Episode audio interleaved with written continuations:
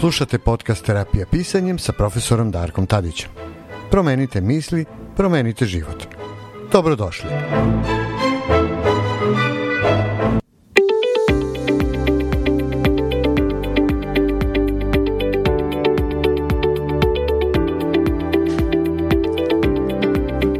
Dobar dan i dobrodošli u najnoviju epizodu terapijskog pisanja. Danas ima gost Ana Rodić. Ana, zdravo. Zdravo, Darko. Ana je life coach, je li tako? Ja volim da kažem yes. životni trener. Pa da, ja to ovaj, volim da kažem savjetnik za lični razvoj. e to. da. Ovaj, pravo da ti kažem, kao što smo se spremali za ovaj razgovor, prijelo mi je da E, ti kažem da je e, jedno od glavnih mojih zadovoljstava za ovu epizodu to što smo se pomerili malo u, u svet savetnika mm -hmm. jel? Mhm. E, jer to je jedan interesantan ugao za razliku do sada dosta gostiju bilo iz sveta psihoterapije ili psihologa, mm -hmm. ali zato smo i odabrali jednu odličnu temu. Mhm. Tema je Toksični pozitivizam. Dakle, tema je toksički pozitivizam, pa da vidimo malo šta ima o tome da kažemo, a ja sam rešio da marketinški naslov za ovu priču o toksičkom pozitivizmu bude zapravo neću da budem pozitivan. Sviđa mi se.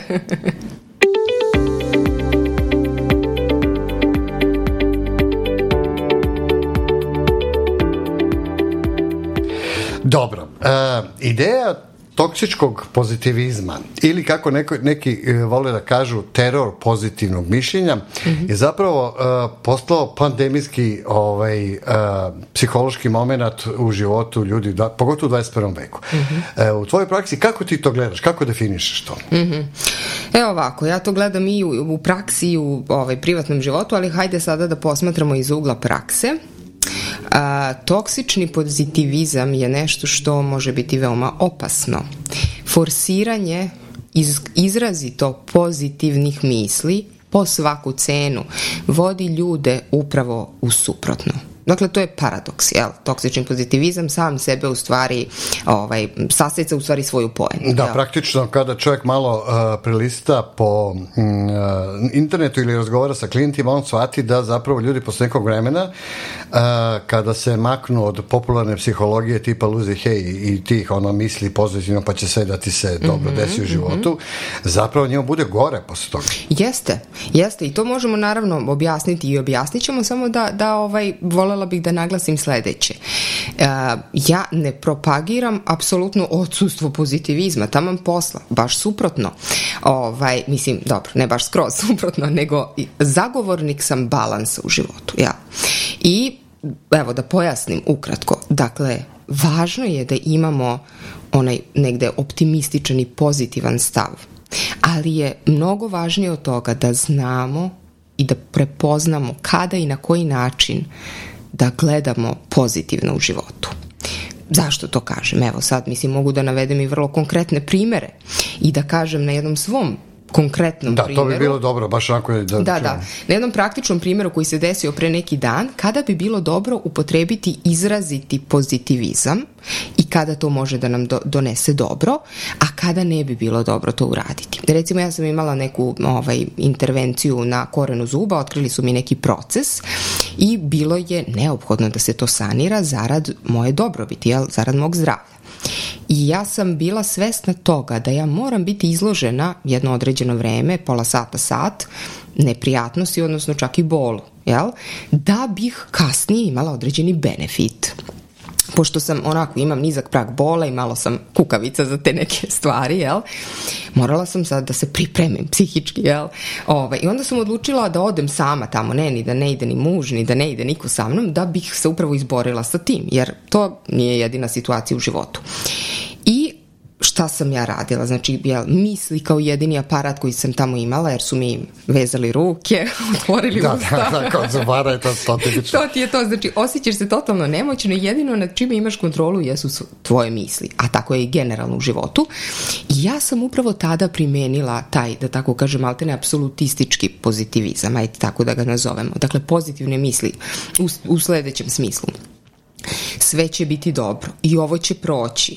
Ovo je samo trenutak u tvom životu. Dakle, namerno skrećući pažnju sa onoga što mi u tom trenutku smeta, ne da bih sklonila problem pod tepih, već da bih prošla kroz to što mi je neprijatno i da bih posle imala benefit, da bih bila zdrava. Mislim, Dobro, ali to je, moraš priznati, zapravo, da, to je pravilno primenjivanje. To je pravilno primenjivanje, jeste. Tako je, ti jeste. si hrabrila sebe u tom ja sam trenutku. sebe hrabrila, jeste. jeste. I kad je taj trenutak prošao, o, ti si se normalno vratila u balans. Znači, tako je, ja si... sam onda priznala sebi da to mene boli, pitala lekara šta treba da radim, on je rekao uzmi ovaj lek, stavljaj led i šta ja znam. Ja nisam dalje nastavila sa tim, ovo će sve brzo da da prođe, nego sam on, mislim, jesam ono, povremeno, ali sam se više okrenula ka onom sa drugom, da kažem, re, racionalnom i realnom. Šta je potrebno sada da uradim da bi to što pre, da bi ta rana što pre zarasla ili šta ja znam. Dakle, slično je bilo i na porođajima koji sam imala, znači, ja pokušavala Jasno. sam to, znači, eto, to bi bio neki recept, tako da kažem, ako ga uopšte ima. Znači, ljudi to mogu da primene onda kada su svesni da će im, da moraju da, tako da kažem, istrpe određeni period, neku neprijatnost, neku bol, neku ovaj, nešto što im je teško, zarad neke kasnije dobrobiti. Jeste, moram da ti priznam, to je dobra taktika. Evo, ja mogu da kažem neko moje iskustvo. Ja sam recimo mm -hmm. pre godinu dana imao infarkt oka i to je mhm. jedno ozbiljno medijsko stanje e, koje je bilo prilično šokantno za mene. Znači, desilo mi se recimo u toku noći. Ništa, oh, nikakve boleva, ništa nije bilo. Samo se probudiš ujutro i vidiš da ne vidiš na jedno oko čudo živo. I to je bio užasan šok, to je pra, zapravo bila trauma velika. I sada, naravno, kada se čovjek, prvo što ga spopadne u, u periodu kada se bori sa tim, ide kod doktora, vidi šta je i tako dalje, naravno dođu ti strašno teške misli, jeli, jer da će se desi i na drugom, da ćeš da budeš slep, da ćeš da ne znam ti izvade oko. Mm. Čuda neka, jeli, to su zaista šokantne stvari. Pozitivno mišljenje bi bilo u smislu sada da se ja sad počeo da, da od samog početka razmišljam, ma samo ja ću da super mislim pozitivno, bit će sve dobro i to će da prođe samo od sebe. Neće mm, da prođe. Mm, znači, to mm. je to odmicanje od realnosti koje zapravo postaje opasno -hmm. kada je u pitanju teror pozitivnog mišljenja -hmm. i to je ono zapravo što čini ovu, kao što si ti rekla, ovu tvoj primer i moj primer. Znači, mhm. praktično čovjek mora onda da se suoči sa činjenicama, ali da onda kad se iskobelja iz prvog šoka i traume, mhm. da onda mhm. napravo zapravo jedan formira pozitivan stav prema životu, koji bi bio mogu da živim i sa jednim okom, ova situacija može da se sanira, mogu da funkcionišem kao i pre, uz neku manju, recimo, neugodnost, ali to je deo života i tako dalje, i mhm. onda se vratiš u balans. Ali to se razlikuje, dakle, jer zamisli sada, kad, na primjer, posle godinu dana, kad bi ja vidim da ja ne mogu da vratim vid na to mm -hmm. oko, znači ja bi pao još u dublju depresiju, jer bi shvatio da moje pozitivno razmišljenje zapravo nije mene izlečilo, je tako? Tako je, tako je, tako je. E, to je nekako ključna razlika i ja mislim da zapravo, evo, a mislim da ćemo i u nastavku to malo više da ovaj, e, prodiskutujemo, jeste uh, kakve su zapravo prave zamke, kakve su posljedice mhm. o, terora pozitivnog mišljenja i na što moramo da budemo spremni kad se praktično suočimo sa tim.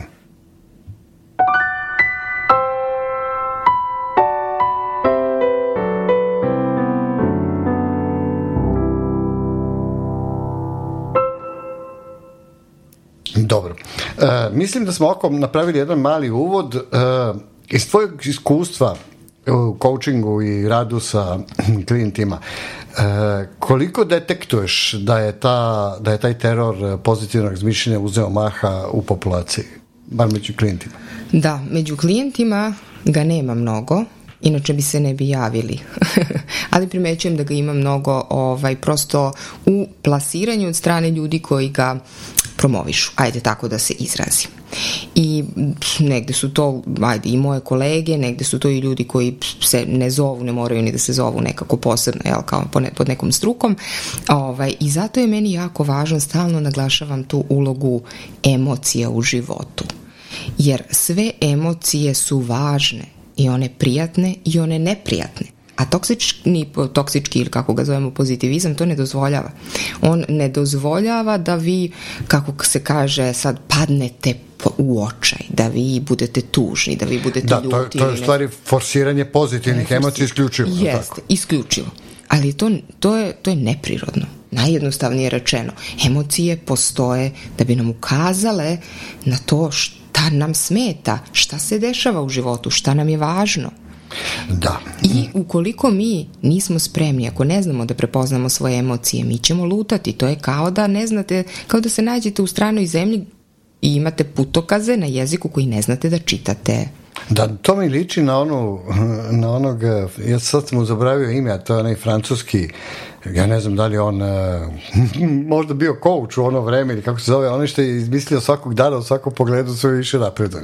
Sećaš se tu kusturicu u filmu onom njegovom A, da, pominjao? da, da, moguće da je to Emil Kue. Emil Kue, Emil tako Kue, je. Emil Kue koji je praktikovao hipnoterapiju. Tako je. E da. sad, izvučeno iz konteksta mm, praktično mm, mm. Uh, uh, primetio sam da je taj teror pozitivističkog razmišljanja, a uključujući i pozitivne emocije non stop, mm -hmm. naročito postalo popularnu, popularnu korporativan svetu. Tu sam video da recimo na brojnim treninzima i obucima, obukama u korporacijama stalno dolaze neki guru i uh, neki psiholozi, ovi oni savetnici koji forsiraju zapravo um, stalno pozitivno razmišljanje e, radnika koji rade u tim kompanijama, mhm. ne bi li oni poboljšali svoju produktivnost i tako dalje, uprkos objektivnim problemima, užasnoj korporativnoj kulturi, pritisku, mm -hmm. stravična je situacija, je li, gotovo da je, pa da mogu da kažem, skoro parabolastički sistem yes. koji vlada i onda to ljudi se nađu zapravo u raskoraku. Znači, mm s jedne mhm. strane te forsiraju da pozitivno misliš, a tebi nije do života. Znači, kad mhm. dođeš kući posle 12 sati, ti ne znaš da se živi ili mrtav. Sećam se, da, ja sam bila u korporaciji, kao što sam ti možda i pomenula i znaš, ja sam radila u bankarstvu 20 godina i to, kao što si rekao, to je zapravo sad teror druge vrste, jel? Tako je. Mlevenje mesa, ja to zovem, i jako je naporno, mi nismo imali takvu vrstu motivacija, nama nisu, sma, nama nisu smatrali da je potrebno nešto, jel? Morali smo sami sebe da motivišemo. to je još teže. to je još teže. Mislili su da nam je plata dovoljna, ali su se prevarili, plata nije na vrhu, nije ni približno vrhu motivacijskih ovaj, eh, kriterijuma, odnosno motivatora to istraživanja dokazuju. Ono što je najvažnije ljudima da se osjećaju poštovanim na poslu, da se osjećaju e, dobro u toj radnoj atmosferi. Mislim, to dokazuju mnogi ljudi koji su otišli sa mesta gde je super plata, kao što sam i ja recimo, jer im je bilo ugroženo zdravlje i psihičko naravno, i fizičko. Naravno. E sad, šta je moguće da rade ti ljudi da pokušavaju da rade? Pa, da postignu ono što je glavni cilj inače u korporacijama, ostvariti profit u što ovaj, jel, kraćem roku, na što bolji način, fokusirati se na efikasnost i tom principu nikako ne odgovara, ne odgovaraju ljudi koji se bave sobom i svojim emocijama.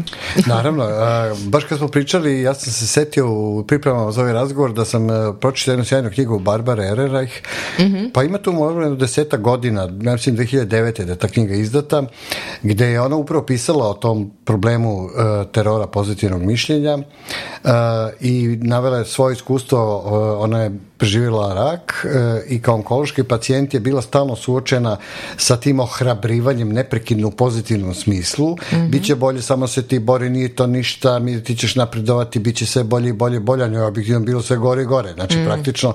Tako da je na kraju jedno rezultata bio to da je krivica za neuspeh zapravo prebačena na nju. Mislim, mm -hmm. to je mhm. vrlo jedna nezgodna situacija mhm situacija, jel? Jer onda zapravo, na primjer, kad si u partnerskoj vezi uh, i sad ti kao hoćeš ono, želim, želim, želim, želim, bit će sve dobro, nema veze, uopšte ne vidiš recimo mane svog partnera, ne želiš ni da vidiš, nego guraš po tepih i onda zapravo skliznemo uz pomoć terora pozitivnog razmišljenja u jednu, uh, u jedan život pun iluziji samobrane. Jeste. I to je tačno, naravno. Jer um, postoji nešto što se zove, bar eto to, to kad pričamo sad o partnerskim odnosima, a, a i generalno po, u životu, da postoji neophodnost um, i samosvesti i nekog svesnog i racionalnog sagledavanja situacije. Pa tek onda kad se, to je slično kao da neko recimo ko se nije istuširao pa stavlja parfem uporno. Da, ja to, je, to, je odlična analogija. Jel da, da, i sad da. kao, što, što, što, zašto ljudi beže od mene u autobusu? Nije mi jasno, jel? Naravno. A ovaj, tako da u tom smislu je jako važno da napravimo tu podlogu. Znači da sagledamo šta je realno, racionalno, nad čime mi imamo uticaj, a šta je apsolutno van našeg uticaja i, nakon, i van naše kontrole i da tek onda nakon toga pokušamo da primenimo te pozitivne misli, optimistični stav prema životu, ali na jedan način koji je u skladu opet sa realnim okolnostima. Da, e, znači praktično ideja je tvoja, a sa njom se slažem i moja, jeste da pre svega moramo da napravimo razliku između e, forsiranog pozitivnog mišljenja čak i onda kad mu ni vreme ni mesto nije, mm -hmm. i formiranja a, pozitivnih životnih stavova na osnovu realnih činjenica koji nas okružuje. Mislim, ta razlika možda zvuči ovako retorički kad se kaže e, mala, ali mm -hmm. je mhm. zapravo ogromna. Tako je, tako je. Jer nije isto, recimo, ovaj, ako ja napravim procenu neke situacije, pa onda mm -hmm. vidim i dobre i loše strane, pa onda izgradim jedan uh, plan koji će me pozitivno voditi, recimo, mm -hmm. u mhm. narednom periodu i ideje da je to sve mora da bude potpuno onako kao, šta znam, formirano, sve je super, kao da staviš ružičaste naočare yes. i da kroz ružičaste naočare gledaš, gledaš život. Jeste, upravo si.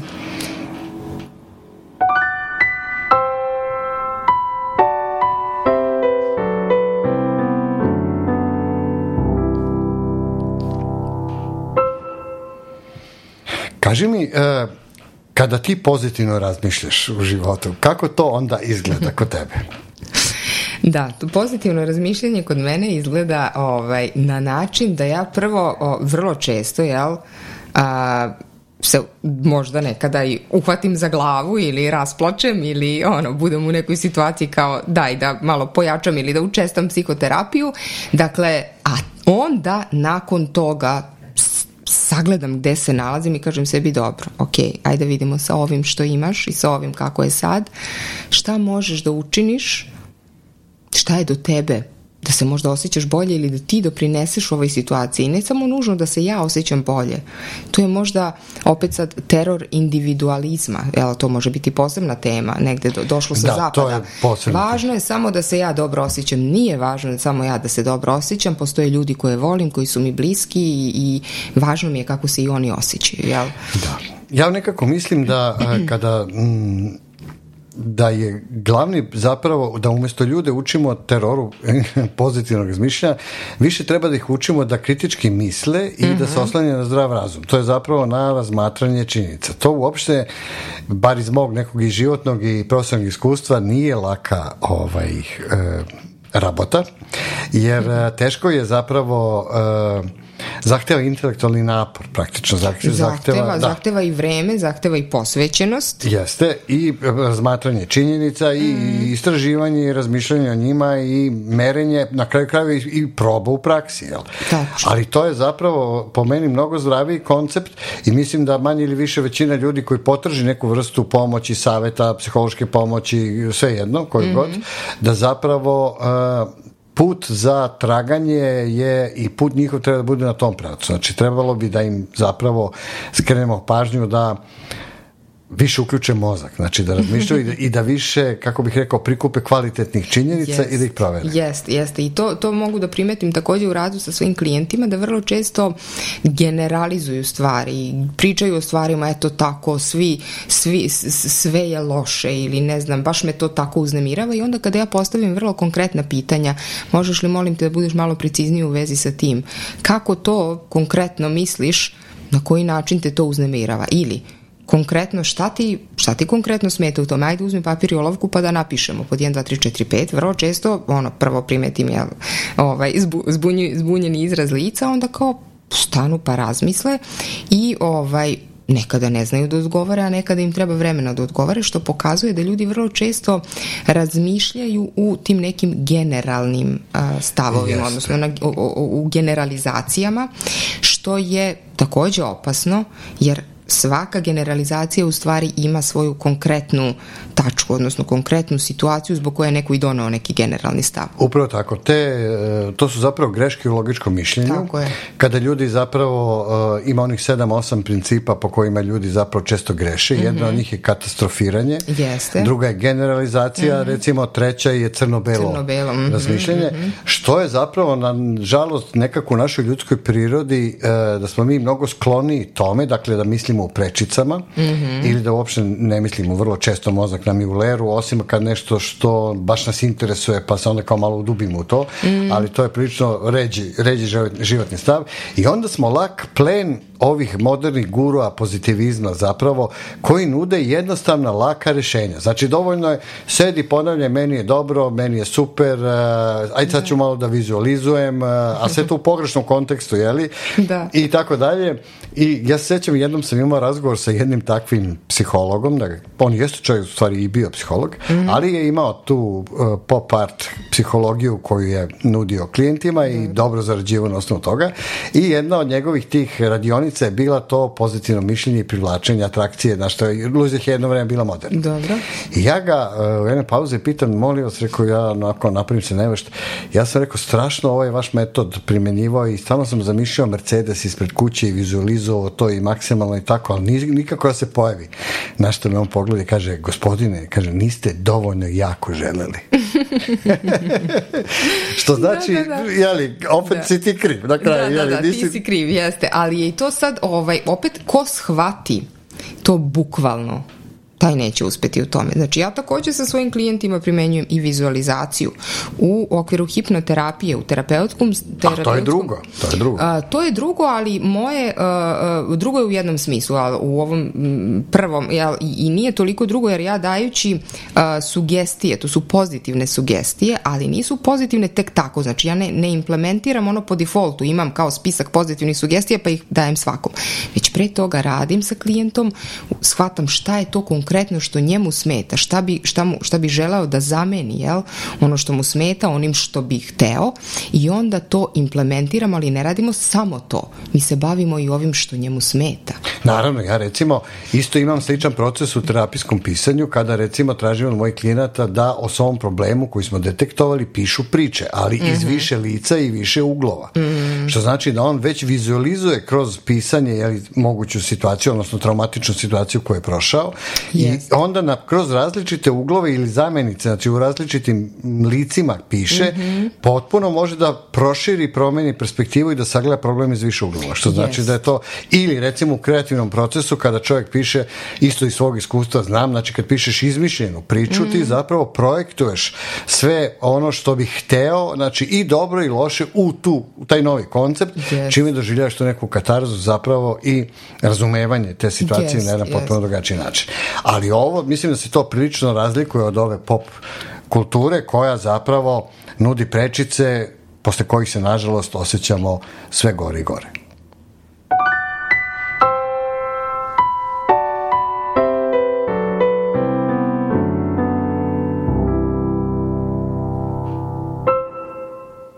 Dobro, e, kada ti klijent dođe mm -hmm. sa recimo pozitivnim načinom mišljenja. Kako se suočiš sa tim? Redko dođu sa pozitivnim načinom mišljenja. To moram da kažem, redko dođu dobro, sa, oni dobro. koji dođu, dođu sa vrlo često katastrofičnim načinom mišljenja. Ali ovo, ovo bi te da te čačnem, da mi kažeš kako je... Šta... Kada bi došao, ne, ne, ja? Kad dođu oni, a mi najčešće u životu zovemo naivni. Dobro. Znači, koji sve ružičasto gledaju kroz ovaj, aha, e, aha, na svet, ali im mm. stalno nešto ne valja u životu, ništa im se ne ostvaruje to što ružičasto gledaju. Da, da, da, da, da. Tako kad me pitaš, onda sad ja, evo, ovako, izranjaju mi slike u glavi ko, ko bi to mogao da bude. Pa upravo ono što si malo pre rekao, suočavam ih sa realnošću, spuštam na, neka, na neki način na zemlju, jel? I sad ono ti si malo pre pro, pomenuo tu a, taktiku u pisanju, različiti uglovi gledanja, različiti glagoli i, i, i uloge. Postoji u okviru NLP metodologije jedna vežba koja se zove Disney strategija, gde a, klijent onda iz tri pozicije sagledava isti problem, iz pozicije kritičara, iz pozicije sanjara i iz pozicije uh, o bože, sad mi stade mozak um, ra, ra, ra, realiste. realiste, tako je, tako je. I onda osobu koja je sklona sanjarenju i tim ružičastim naučarima, ona će kad dođete do uloge sanjara imati ohoho, jel, morate malte ne da ono, skraćujete razgovor. Međutim, kad dođete do ulogi kritičara ili realiste, pa bit će nekada ne znaju šta da kažu. E, tu je onda moja uloga da ih vodim, da im postavljam pitanja, ta vrlo duboka, konkretna coaching pitanja, koja im pomažu da sagledaju realno tu situaciju ovaj, e, e, da bi mogli da se, da se mm, što kaže suoči, nekada to nije ni, ni jednostavno, nije nije nekada ni lako, ovaj, bude poprilično bolno. Evo sad imam jednu, recimo, klijentkinu s kojom radim na partnerskim odnosima koja se razvela, pa nije ni skoro, pre dve godine. I ona je tek sad skoro shvatila, evo juče smo radili, ona je juče shvatila da ona u stvari pati ne za bivšim suprugom, nego za idealizovanom slikom bivšeg supruga. E, to sam čekao da kažeš kao šlagvor, pošto ja primećujem da recimo 50% mojih klijenata koji dolaze sa životnim problemima, znači Dobro. ne govorim o ljudima koji imaju zbiljne neke psihičke smetnje, bolesne, s njima se ne bavim, da. ali sa ovim ljudima koji su recimo, znači, da kažemo mentalno zdravi, da. ali imaju gomilu nekih problema životnih i e, onda se šokiraš kada shvatiš da neki njihovi stavovi i uverenja koje imaju o vezama, o muškarcima, o ženama, o deci, o kojoj god temi, da su zapravo toliko nerealna, da su toliko, kako bih rekao, uh, iracionalna. Mm. Da zapravo, kao što je Jalom jednom rekao, napisao u svojoj knjizi, da on ne voli da se, da on ne radi ljubavne probleme, jer su potpuno iracionalni. Znači, s time čovjek ne može se bavi, po njegovim rečima, vrlo duhovito, ali on je i dobro je obrazložio zašto. Uh, ok, sklon sam da možda se složim s tim onako poprilično, ali zaista i onda vidiš da zapravo ljudi uh, su potpuno nesvesno usvojili taj teror pozitivističkog razmišljanja, mm. sve farbajući tim lepim bojama. Sve, će, sve je super, sve će biti odlično, samo treba da se dobro, pozitivno misli i on ili ona će da se promene i tako dalje i tako dalje, što ih sve dublje i dublje zapravo vodi u jedno bespuće, znači u jedan svet iluzija. I tu uvek volim da kažem e, u onom filmu Requiem za jedan san, na kraju ide jedan citat koji mi se jako dopao, a on glasi, kaže, iluzije su nekada bolje od lekova. Nažalost. Ka, da. Ne znam, kako ti kad se suočiš sa tako klijentima koji imaju totalne iluzije, znači mm -hmm. ili mhm. potpuno neke iracionalne uverenja, kako im pokušaš da im objasniš da to što će oni pozitivno da samo misle, da to neće da se desi? Mm -hmm. Pa oni su već suočeni sa tim, inače ono ne bi ne bi se ni javili da nemaju neki problem. Uh, ja im onda nekako ovaj dokazujem da upravo to što im se dešava i što im je teško u, u, u vezi ili u trenutnoj životnoj situaciji jeste posledica njihove idealizovane slike. Ja možda im dokažeš? A, većini mogu, ali... to te pita malo lako provokativno, da, da, da. pošto kli, da. klizava je tema. Jeste, klizava je tema, naravno zavisi od klijenta, a, postoje razne metode i tehnike koje primenjujem opet u zavisnosti od konkretnog klijenta, zato ja i volim taj individualni rad gde procenim s kim kako mogu. Ima i onih kojima ne može da se dokaže, odnosno pokaže kaže, ali na kraju krajeva a, dešavalo mi se da se jave ljudi posle određenog vremena. Znači, ako ne može u tom trenutku, znači da nisu spremni na neki način. I onda ne vredi ni forsirati. Mislim, Apsolutno ne vredi forsirati i to je um, zaista jedan zapravo dugotrajan proces. Da, Jer je, sigurno. E, mislim da je pritisak medija, pritisak e, pop kulture, popularne psihologije toliko jak i da e, zapravo svi ti guruji koji, propagiraju pozitivistički način mišljenja kao rešenje za sve probleme, da oni zapravo igraju na jednu kartu e, slabosti ljudske prirode, a to je da smo mi skloni da mislimo u prečicama, skloni smo da ne razmišljamo, skloni smo da tražimo brza mm, rješenja, mm. a toga nažalost u životu često nema.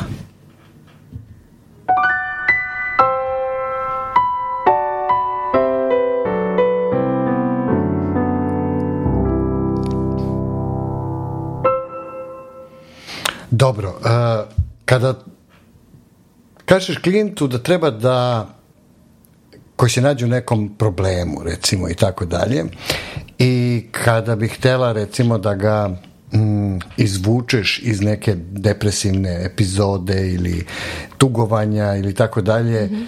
kako ti onda pristupiš tom pozitivizmu? Kako mu to serviraš? E, Evo ovako, recimo, sad mi on, pr prva misla koja mi padne na pamet, a koja je povezana sa toksičnim pozitivizmom, jesu između ostalog afirmacije to ti je poznato u smislu osjećam se dobro, sve će biti u redu, ovo je nešto što um, život radi u moju korist i tako dalje. E sad, kad ja primenjujem uh, ove afirmacije sa klijentom, uh, ja to radim na jedan sasvim drugačiji način, a to je način da one budu prilagođene njemu. I pošto je jaz između trenutnog stanja klijenta gde se on osjeća jako loše i te apsolutno pozitivne afirmacije izuzetno veliki. Znači od, od situacije osjećam se loše, kao apsolutni gubitnik, ništa neće biti dobro i te afirmacije sve će biti dobro je ogroman jaz, klijent ne može to da preskoči. Onda ja kroz te razne vežbe i pitanja dovodim ga na neki način do toga. Ja ga pitam šta je ono šta on osjeća u ovom trenutku da bi za njega bio neki mali prvi korak Znači, uvek idem principom mali koraka. Šta on osjeća da je trenutni njegov kapacitet? energetski, intelektualni, duhovni, telesni, bilo kakav, da bi mogao eventualno da se makne sa tog mesta. Neki klijenti nemaju u tom trenutku nikakav kapacitet, onda pričamo o tome. Onda je, im je potrebno možda da pričaju o tom problemu. Potrebno im je da se osjećaju loše neko vreme. Kad bismo forsirali sad na to toksični pozitivizam, to bi bilo isto, opet ja volim metafore, kao kada imate zagnojenu ranu, a vi stavljate flaster uporno to bi nastala sepsa, jel?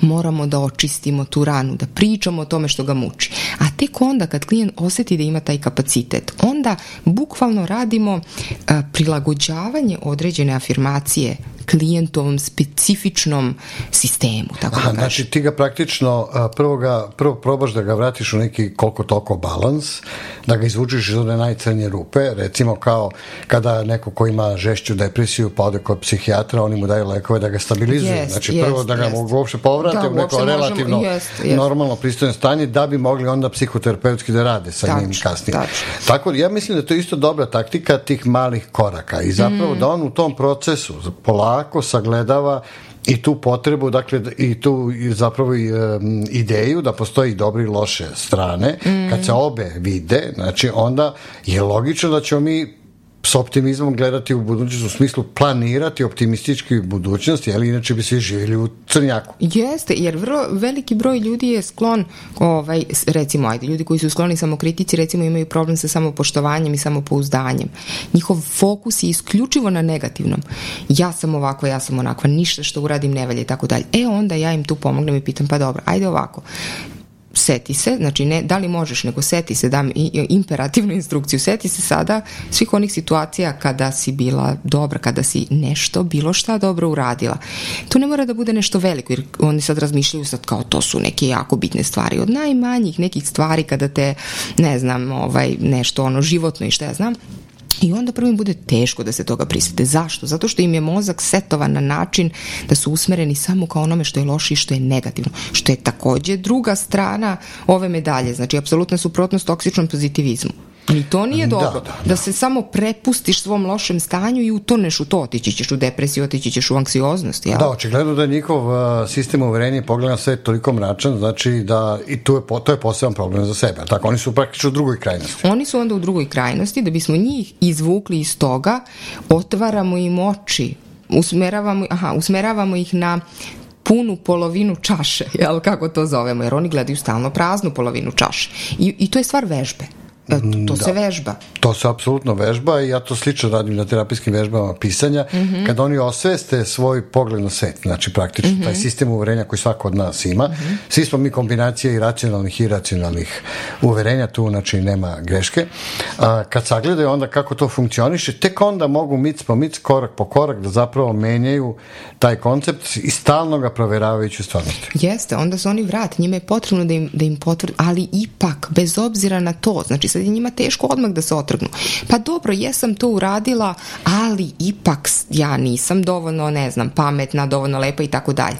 Ja im to ne negiram, znate, ne, ne možete nekome a, davati novi neki instrument ako mu oduzmete ono čime je on do sad naučio da barata, ne možete mu izmicati stolicu ispod, ispod nogu. Ja onda kažem, dobro, verujem, da se tako osjećaš i ja verujem da ti zaista imaš takav utisak u sebi. Ali šta misliš kakav bi tvoj život izgledao i kako bi bilo kad bi sebi dozvolila, jel, ili dozvolio, da malo drugačije gledaš na svet i na sebe. Samo šta misliš o tom? Znači, ne moramo to da radimo. Šta ti misliš kad bi sebi to dozvolila? Znači, bez pritiska. Bez pritiska i mali koraci.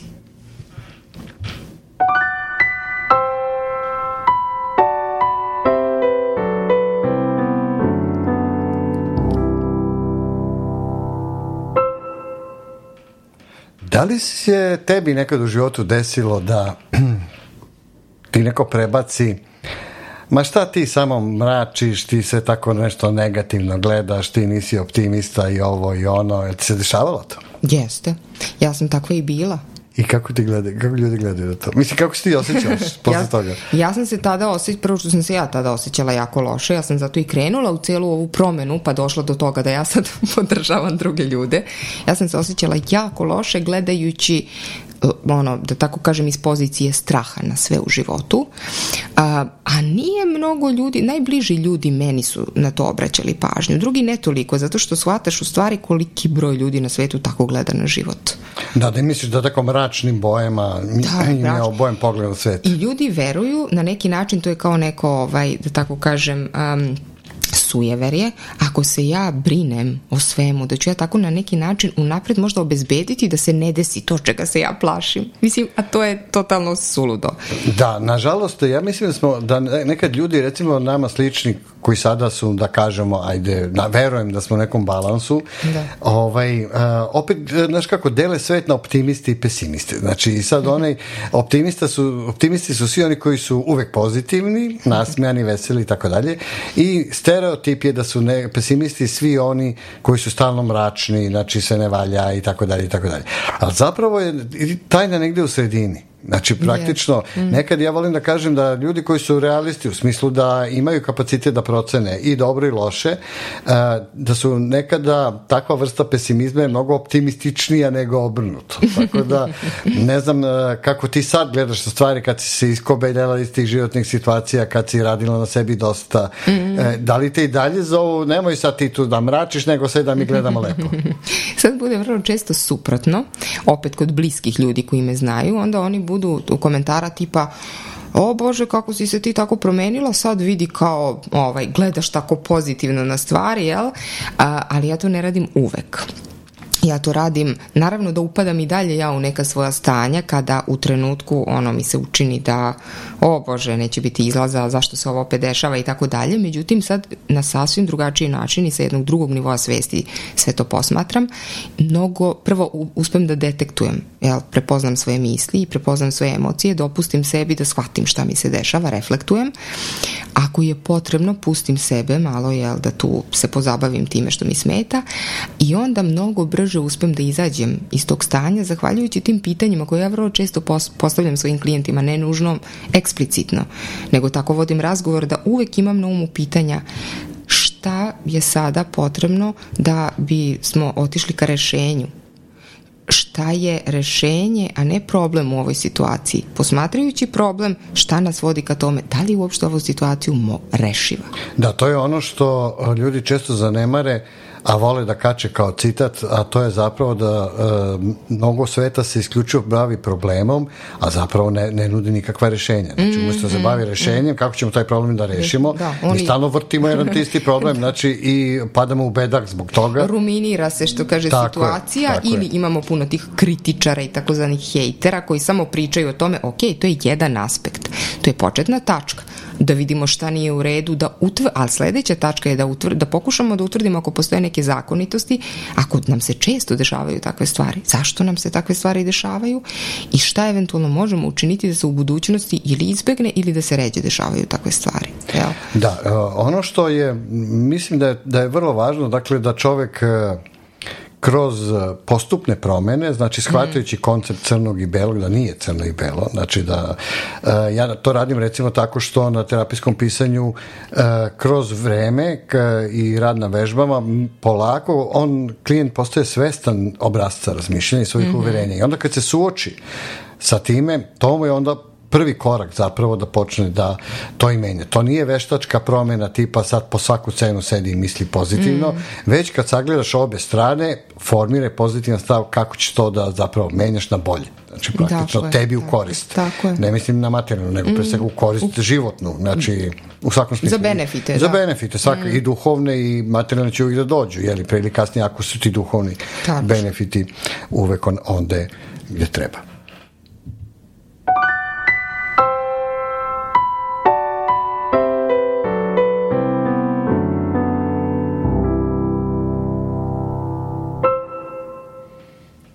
Dobro, mislim da smo razjasnili onako malo ovu problematiku. Mhm. E, šta ti voliš da kažeš klijentima kad te pitaju to za pozitivno razmišljanje negativno? Šta bi im preporučila? Kako da se nose zapravo kad jednom shvate da su suviše poterano pozitivno razmišljanje. Da su otišli previše u to samo, samo isključivo pozitivno, jel?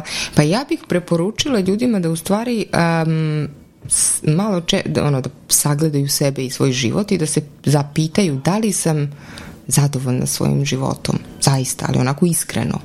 Kad ostavim sve te misli sa strane koje mi je možda neko uh, usadio ili rekao da bi trebalo da razmišljam na taj način i kad iskreno zapitam sebe šta ja mislim možda realno i racionalno o ovome i kako se, ne toliko šta mislim, jer misli su varljive, imamo tu i ona unutrašnje kritičara jel, koje, koje nije naše da, da. nužno, kako se ja osjećam prema ovome kakav je moj život trenutno, šta sam postigla, sam ja zadovoljna time, jel? I onda nam to može biti reper, da li to ovaj, mm, je taj, to, to, taj pozitivizam toksičan ili je zapravo baš, baš dobar, možda to baš i dobro radimo, jel? Da, ja nekako bih rekao da čovek eh, prvo mora da osvesti da zaista živimo u teroru pozitivnog mišljenja. On je po mom nekom dubokom uverenju duboko institucionalizovan ne samo korporacijama, firmama, e, centrima moći odlučivanja, medijima, znači kroz razne te popularne sadržaje kao što je mhm. popularna psihologija i tako dalje, kad to jednom osvestimo i vidimo da ne radi, da ćemo do toga doći sami u razgovoru sa terapeutom, sa savjetnikom, mhm. duhovnim mm. ocem, kim god nije važno, mm -hmm. ali jednog momenta kad to osvestimo, to je zapravo prvi korak da se izvučemo iz ove situacije. Tačno. I moram da kažem, pominjao si, ne znam, i Luizu Hej i neke druge motivatore, Ni, nije to samo po sebi, njihovo učenje samo po sebi uopšte nisu, kako ga kažem, loš, nužno loš, oni imaju zaista dobro dobru nameru, ali morate da vodite računa, odnosno ljudi moraju da vode računa kako ih primenjuju i kada. Ja sam išla i na seminare iz ovaj, upravo tih učenja Luize Hay i tako dalje, ali sam s druge strane se bavila i nekim drugim stvarima. Apsolutno. Mislim da čovjek eh, m, kao, o, meni se sviđa kad ove Barbara Herrera zaključak, da čovjek mora da shvati da život nije ceno beo da je život težak, danas suočava sa mnogim izazovima, mm. da uh, ono što je najteže jeste da moramo da promislimo kad se nađemo u kriznim situacijama, e, da nekad donosimo odluke i postavljamo granice, što je sve mhm. jako teško, a to, je, to nas nekako opet vodi ka onom nekom konceptu negovanja zdravog razuma i jako kritičkog mm -hmm. razmišljanja i promišljanja, jer to je zapravo jedini način da se nekako noktima držimo za stvarnost. Ja znam da mi svi živimo u paralelnim svetovima, svako od nas ima neke svoje koncepte mm. života, što je normalno, svi su ljudi različiti i tako dalje, ali sigurno sam da postoji jedan zajednički set set neke konsenzusa realnosti koje moramo da zajedno prihvatimo. To je da. neki, po meni neki spas. Slažem se, slažem se naravno. I jako je važno da uh, u svemu tome budemo uh, ajde da, da ne zanemarimo povezanost sa drugim ljudima Jel?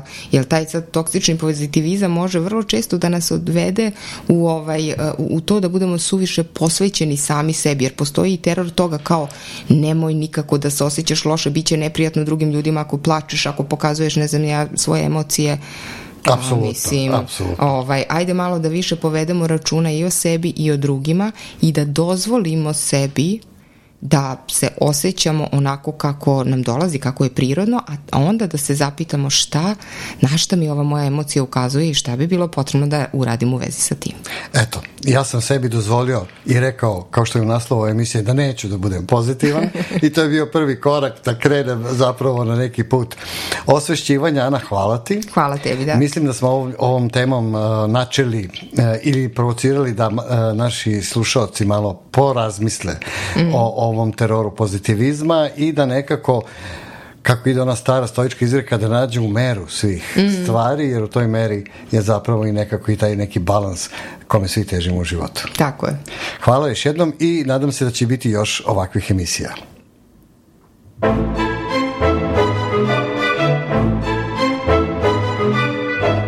Slušali ste podcast Terapija pisanje profesora Darka Tadića. Pratite me i dalje na mom sajtu www.darkotadić.com i uživajte u terapiji pisanja.